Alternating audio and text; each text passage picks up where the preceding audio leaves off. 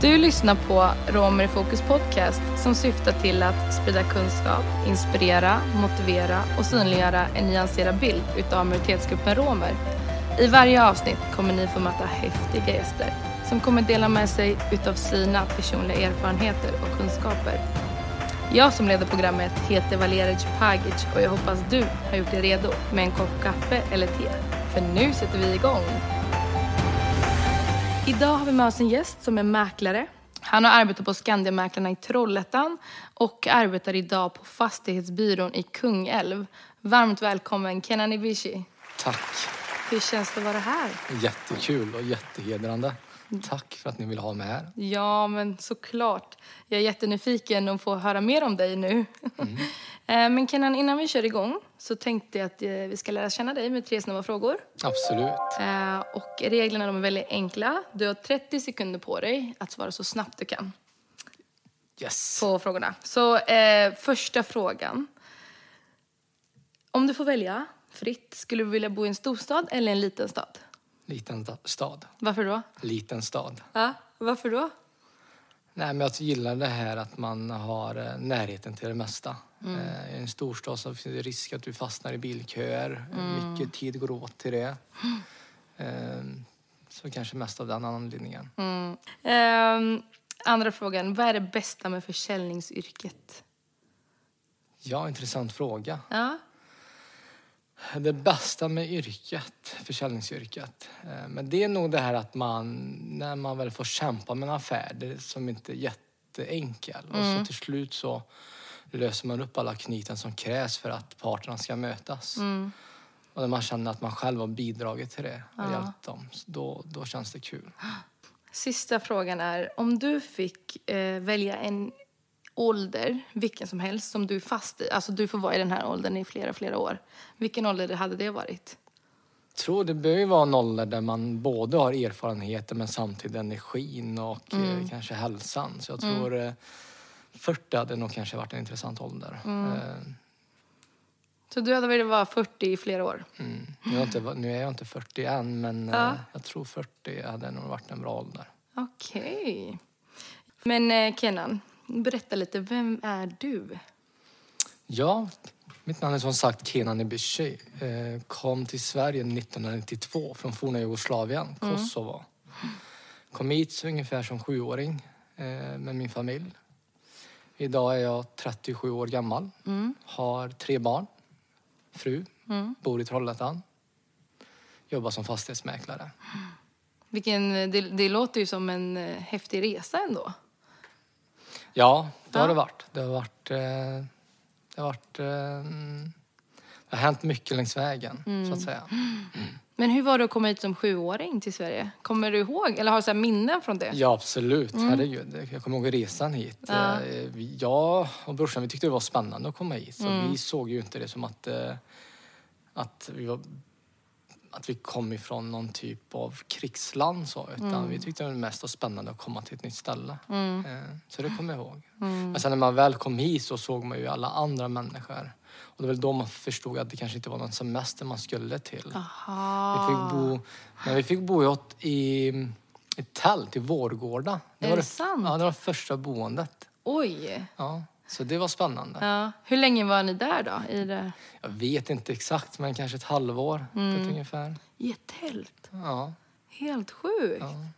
Men då började du skolan direkt, alltså när du kom hit? Nej, det var... Ja, nej, jag började inte i skolan. Inte vad jag kommer ihåg, utan det var mm. först när vi kom till Trollhättan. Det var då jag började i skolan. Då började vi Läxtorpsskolan. Ah. Mm. Men Kenan, då har du varit i Trollhättan i nästan nästan hela ditt liv sen du kom till Sverige. Ja, men precis. Förutom ja. den lilla första anstalten ja, i Vårgårda. I Vårgårda. Ja. Men vad, hur känns det, tänker jag? Alltså jag kan tänka, jag har ju flyttat ganska mycket mm. runt omkring. Ehm, och känt att jag alltid kommer till nya ställen, måste lära nya människor, mm. lära känna nya människor. Och hur har det varit för dig att liksom vara i Trollhättan och kvar i Trollhättan? Nej, jag väl jag har väl aldrig känt något behov att jag behöver komma till en annan stad bara för att komma till en ny stad. Mm. Utan jag har haft, eh, jag har haft mina kompisar, min familj här. Mm. Sen ska jag träffa min eh, fru ganska tidigt Mm. och eh, köpte vår bostad här och sen skaffade vi familj ganska tidigt så det blev naturligt att man Mm. blev kvar här. Sen hade, hade jag fast anställning här eh, ganska tidigt. Så, mm. Men du är ju mäklare idag. Mm. Och jag är jättenyfiken på mäklaryrket för att jag, jag tycker det är så inspirerande eller häftigt yrke. Ehm, men varför valde du det? Eller liksom berätta resan till att bli en mäklare. Nej, Men någonstans har jag väl alltid känt att jag vill bli mäklare. Eh, kanske blivit lite påverkad av de här programmen som gick på tv. Jag tänkte men det där såg ju Ah. kul ut och flashigt ut. Ja, ja. Eh, sen har jag alltid... Min, min pappa har ju jobbat som säljare, säljare i många, många år. Eh, på, på olika sätt. Så jag har väl fått med mig det därifrån. Jag hjälpte ju han här i... Han var ju på, bland annat på Göteborgs marknad där vi ko, ehm, och sålde skor bland annat. Och där fick jag med ganska tidigt Ja. och hjälpte honom där. Ja. Och eh, redan då så kände jag att det här går ju ganska bra. Ja. Eh, så det är väl därifrån när resan började. Men så man kan säga att du, det här säljandet och liksom att eh, det började väldigt tidigt för dig? Ja, absolut. Ja. Mm. Jag, började, jag hängde med min pappa till Kvibergs marknad i Göteborg Ja. där han stod och sålde på helgerna. Så där följde jag med när jag gick i gymnasiet tror jag, på helgerna. Ja, ja. Ja, det var där jag fick upp ögonen för försäljning. Ja. Men när du säger att du fick upp ögonen för försäljning, vad, vad, vad menar du då?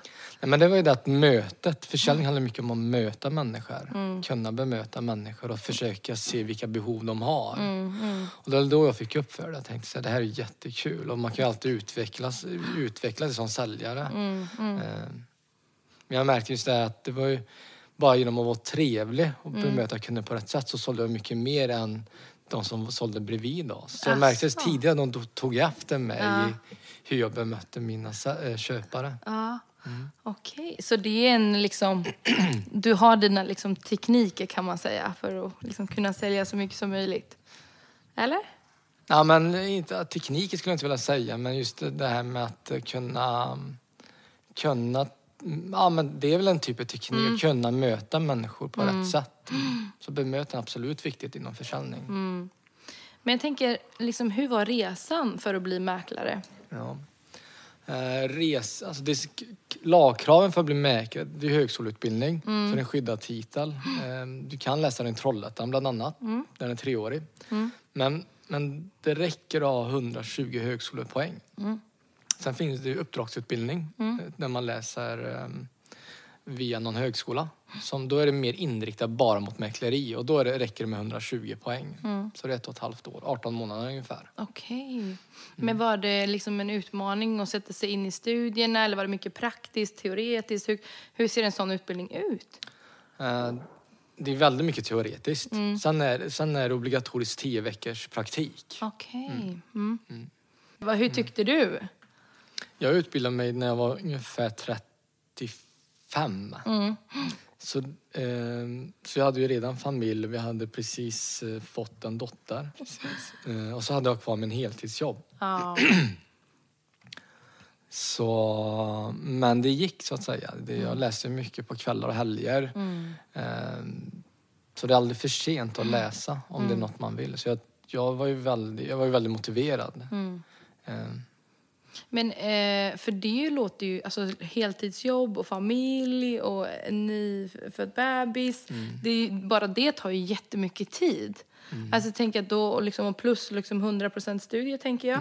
Det låter ju så här, oh my god. Alltså det låter väldigt, väldigt mycket. Ja, men jag måste lyfta upp min fru. Hon var väldigt förstående och tog ett stort ansvar i hemmet och med barnen. Och, Så du har fått väldigt mycket stöd från din fru och familj och så kan ja, absolut. Eh, hur är det att jobba som mäklare? Extremt givande. Ja.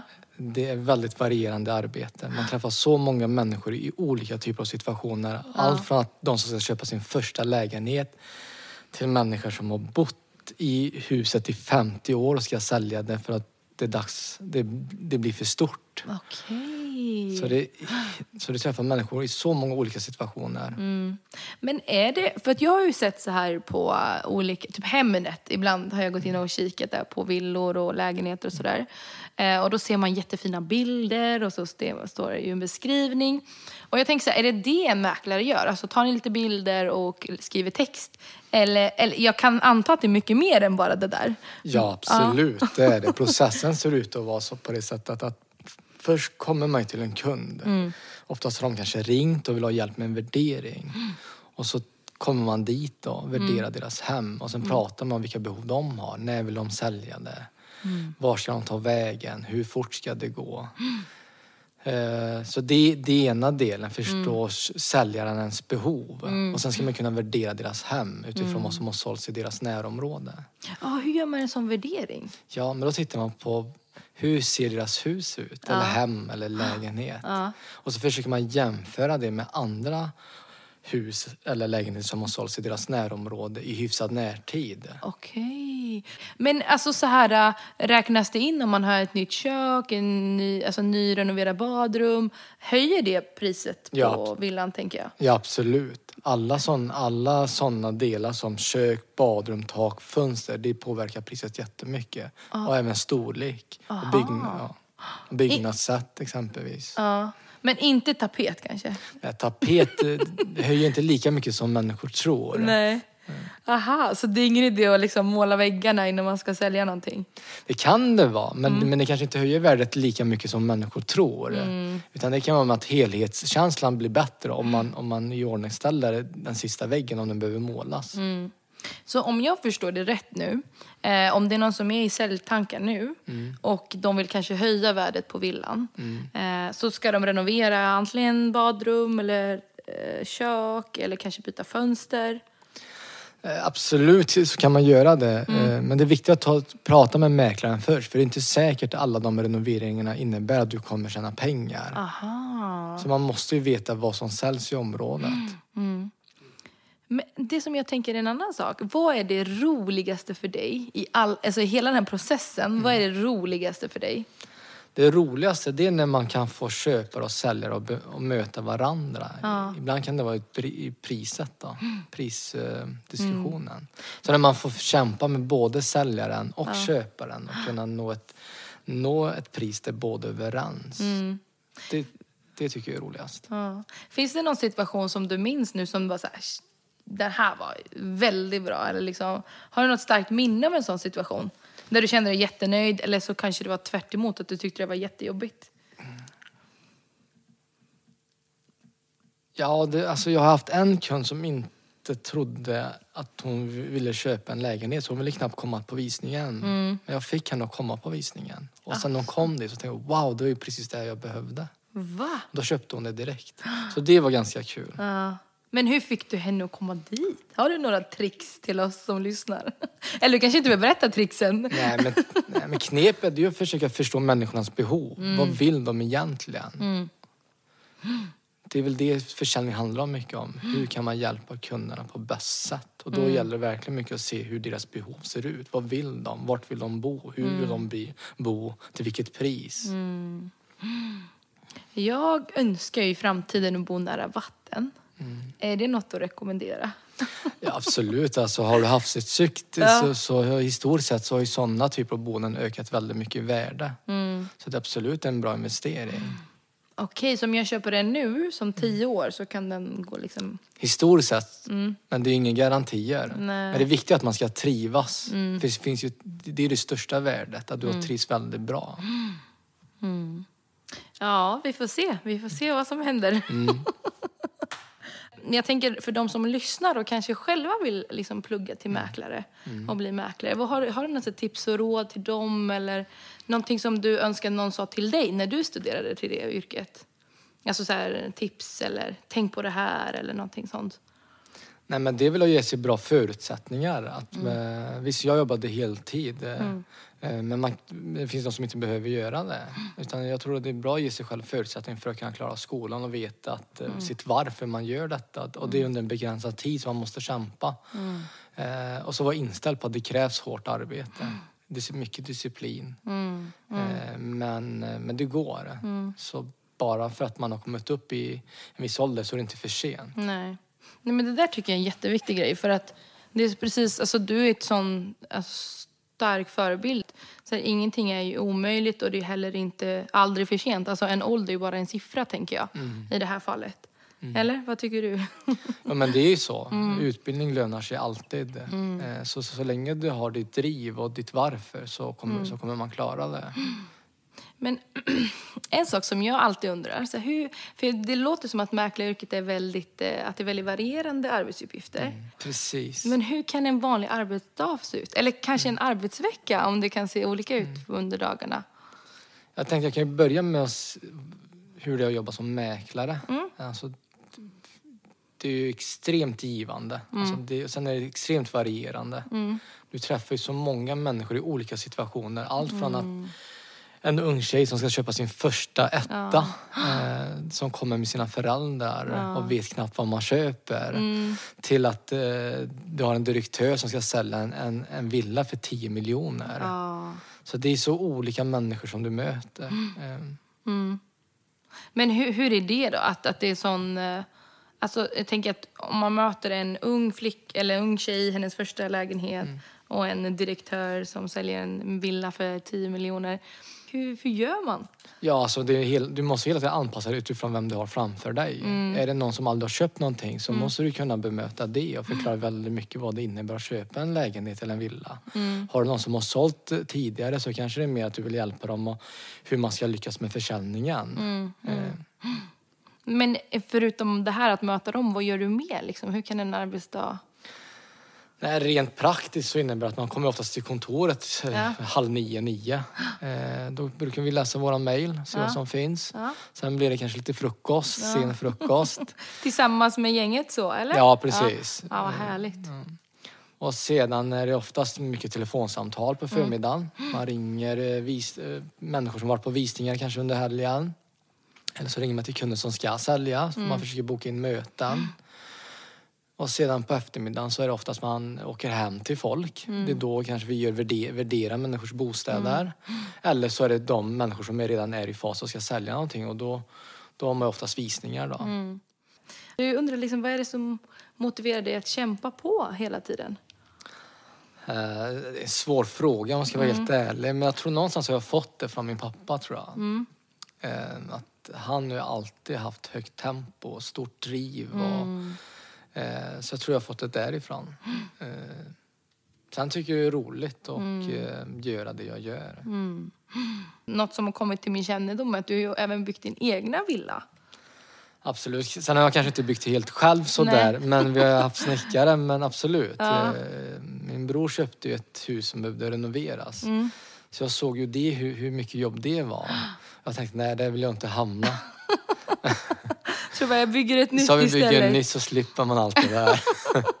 så lite på det, på det sättet är det faktiskt. Är det så? Mm. Är det så att, att bygga från grunden är lättare än att renovera ett som är redan liksom i, i sitt skick, i ett lite sämre skick, Ja, som behöver renoveras? Ja, sen är det ju en resa att bygga nytt också. Både Mm. jag och min fru ville verkligen göra det. Vi hade som dröm att bygga vårt egna hus och det var ju en Mm. dröm bakom det hela. Men sen det är ju jobb med att bygga nytt också. Det är många val som behöver tas. Allt Mm. från dörrhandtag till färg till fönster till eh, Ah. kök till vitvaror. Så det är, det är många beslut som ska tas och är Ah. man två så blir det ju allt, inte alltid enkelt att vara överens om allting. Alltså, var det någonting som ni båda var så här, äh, alltså att ni kon- kontrar varandra i någonting som ni ville? Nej, det tycker jag väl inte. Nej. Utan det var lite mer så att vissa grejer skulle hon bestämma och vissa grejer skulle jag bestämma. Så då var det lättare att mötas i det istället. Istället för Ja. att diskutera minsta lilla detalj. För då blev det inte hållbart. Nej, vilken bra strategi. Ehm, du, eftersom du har ju roms bakgrund eh, och identifierar dig som rom så är jag jättenyfiken om din romska identitet har påverkat dig inom ditt arbete. Alltså jag menar i bemötande och säljare och köpare eller hur har det sett ut för dig? Just inom mäklaryrket. Nej, jag känner jag har aldrig blivit ifrågasatt eller Mm. upplevt att en viss diskriminering, att jag, att, jag fått, att jag inte fått något uppdrag på grund av min härkomst. Det har jag inte upplevt. Mm. Så det är generellt sett överlag så, så har jag väl inte upplevt det Mm. i samhället, att jag blir känt mig diskriminerad för min, för min bakgrund. Mm. Utan... Eh, men eh, jag tänker så här, är du öppen med din romska identitet? Eller brukar du berätta? Eller hur, hur kan det se ut för dig? Absolut. Kommer ja. frågan på tal så säger jag givetvis att jag är rom. Jag tycker mm. absolut man ska vara stolt över den man är. Mm. Sen har jag förståelse för att det finns människor med romsk bakgrund som har blivit diskriminerade mm. och ibland väljer att inte säga det. Mm. Precis som du säger, när det kommer på tal, då säger jag ja, men jag är rom. Mm. Uh, men för några år sedan så tog jag alltid bort att jag kunde romani chib mm. och mina liksom, erfarenheter som kunde kopplas till romska. Mm. För jag var så rädd mm. för att tänk om min arbetsgivare liksom ser att jag kan romani eller mm. liknande. Men idag känner jag inte en sån oro för då känner jag så här, är det någon som inte vill anställa mig på grund av det, mm. då vill jag inte ens jobba på en sån arbetsplats. Um, och jag tycker också det är viktigt att du liksom berättar att dina erfarenheter, att du har ju inte upplevt antiziganism, liksom rasism mot romer eller liknande. Nej, precis. Eh, jag har nästan fått alla de jobb jag har sökt sedan mm. jag var 20. Och det har aldrig varit på tal om vilken bakgrund jag har för den delen heller. Mm. Men jag har alltid berättat att jag är rom ifall frågan har kommit på tal. Mm. Så jag, jag, har inte upplevt det, att jag mm. blir diskriminerad på grund av min etniska bakgrund. Mm. Sen har jag förståelse för att det finns människor där ute som upplever det. Mm. Ehm, men jag har inte upplevt det i alla fall. Men vet du, alltså så här, speciellt bland unga idag, mm. om de väljer att inte berätta att de är romer och säger till exempel ja, men jag är från Serbien, jag är från Kosovo eller liknande. Eh, tror du att det grundar sig i liksom rädsla för att bli utsatt? Eller varför tror du man gör så? jag tror säkert att um, unga idag har säkert föräldrar som har upplevt diskriminering mm. och utsatthet. Mm. Och jag tror det bottnar lite i det där, att man, man vill inte riskera att hamna där. Mm. Att, så det är nog en rädsla för det. Men samtidigt är det viktigt att lyfta upp att det finns människor som, som identifierar sig som romer och är mm. öppna med det och det går bra för dem. Mm. Så jag tror samhället har ju tagit ett större ansvar och är medvetna om eh, romernas situation idag. Men jag tänker, för du har ju egna barn. Mm. Eh, hur liksom, kan det se ut hemma hos er? Pratar ni kring de här frågorna eller liksom har du uppmuntrat dem till att vara öppna med deras identitet eller kring de här? Ja, ja absolut.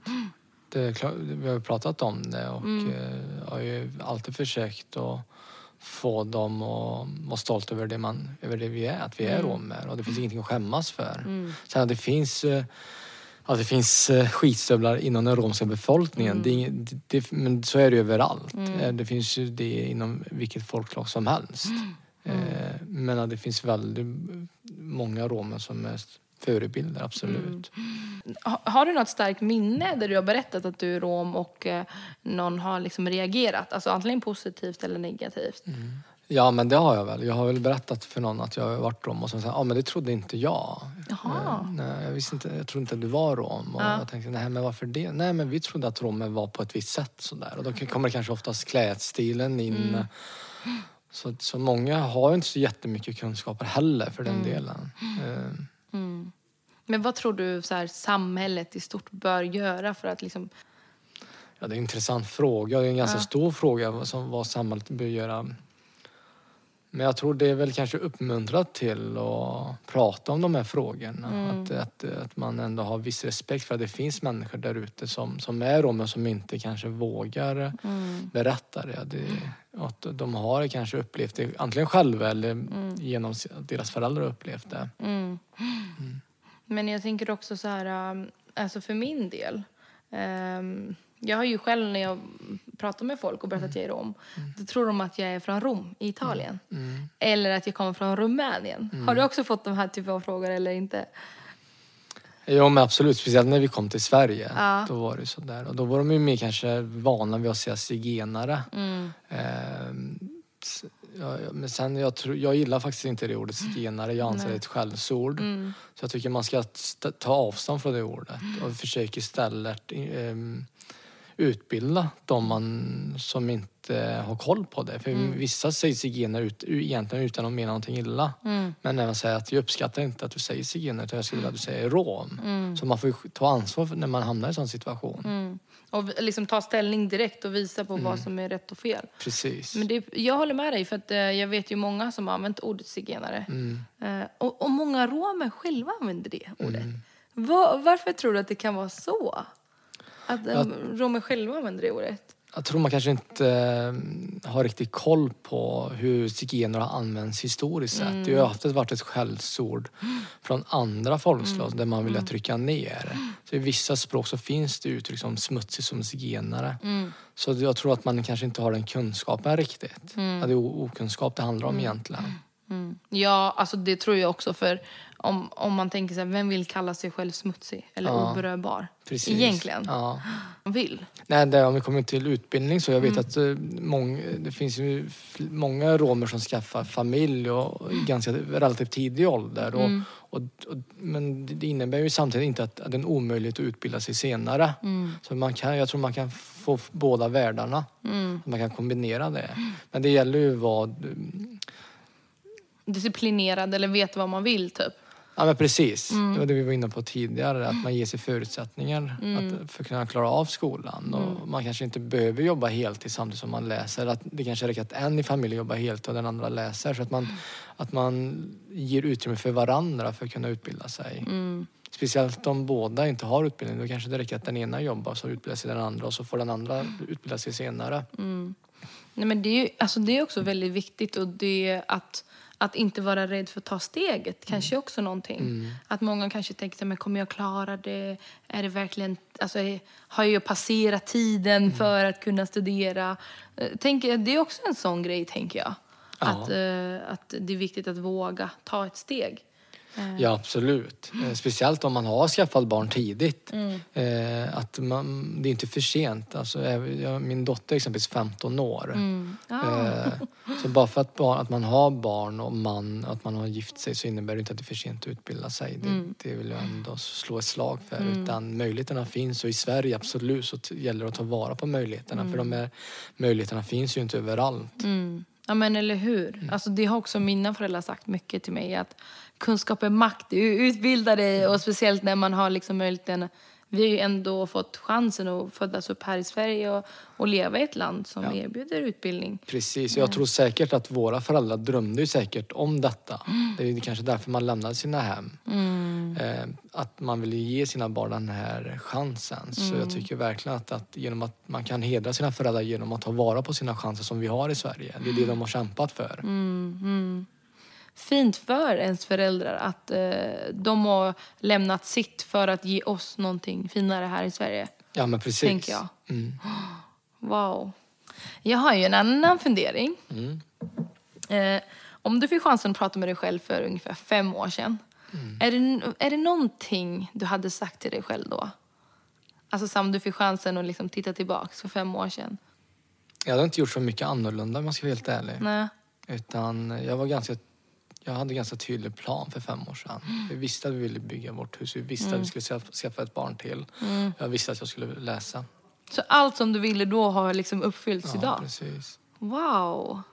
Ja, men Det är jag, det jag menade, att man måste ha en tydlig plan för vad man, vill Mm. och sätta mål och så ha en plan för hur man uppnår målen. För risken är ju annars att man har bara planer och drömmar Mm. men att man inte når dem.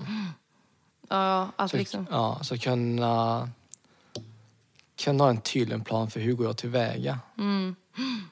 Så att, men skrev du ner liksom allting vad du ville eller var liksom planen? Precis. Alltså, ja. Ja. Ah. Jag tror verkligen på att skriva ner sina mål. Mm.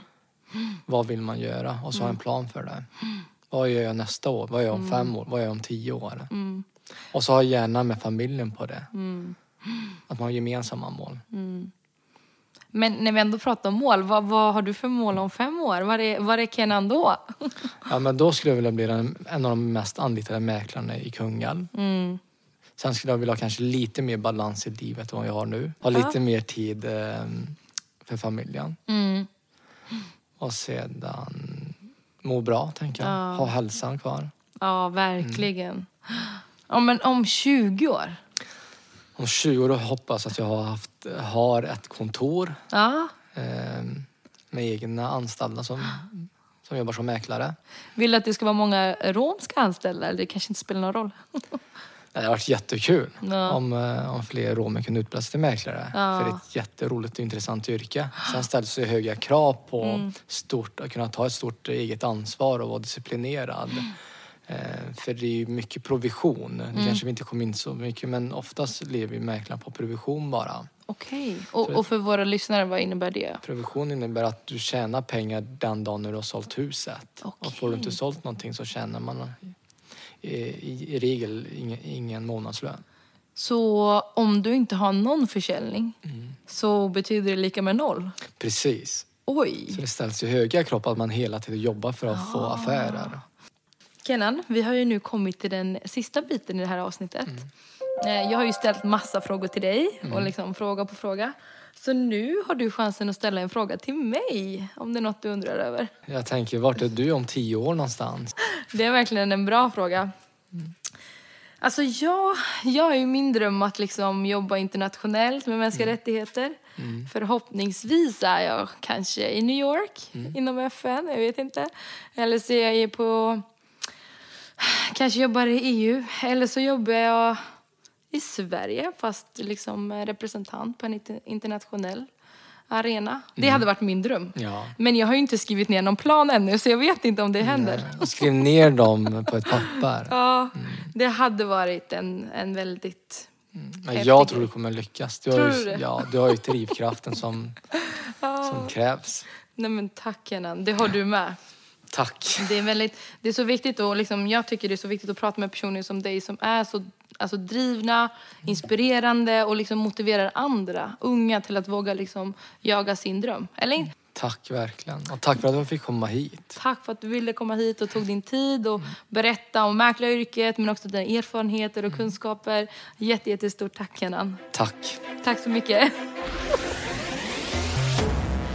Jag vill tacka alla som har lyssnat på den här poddens avsnitt. Eh, podcasten körs i samarbete med Studieförbundet Vuxenskolan Väst och föreningen Promoting Youth Inclusion.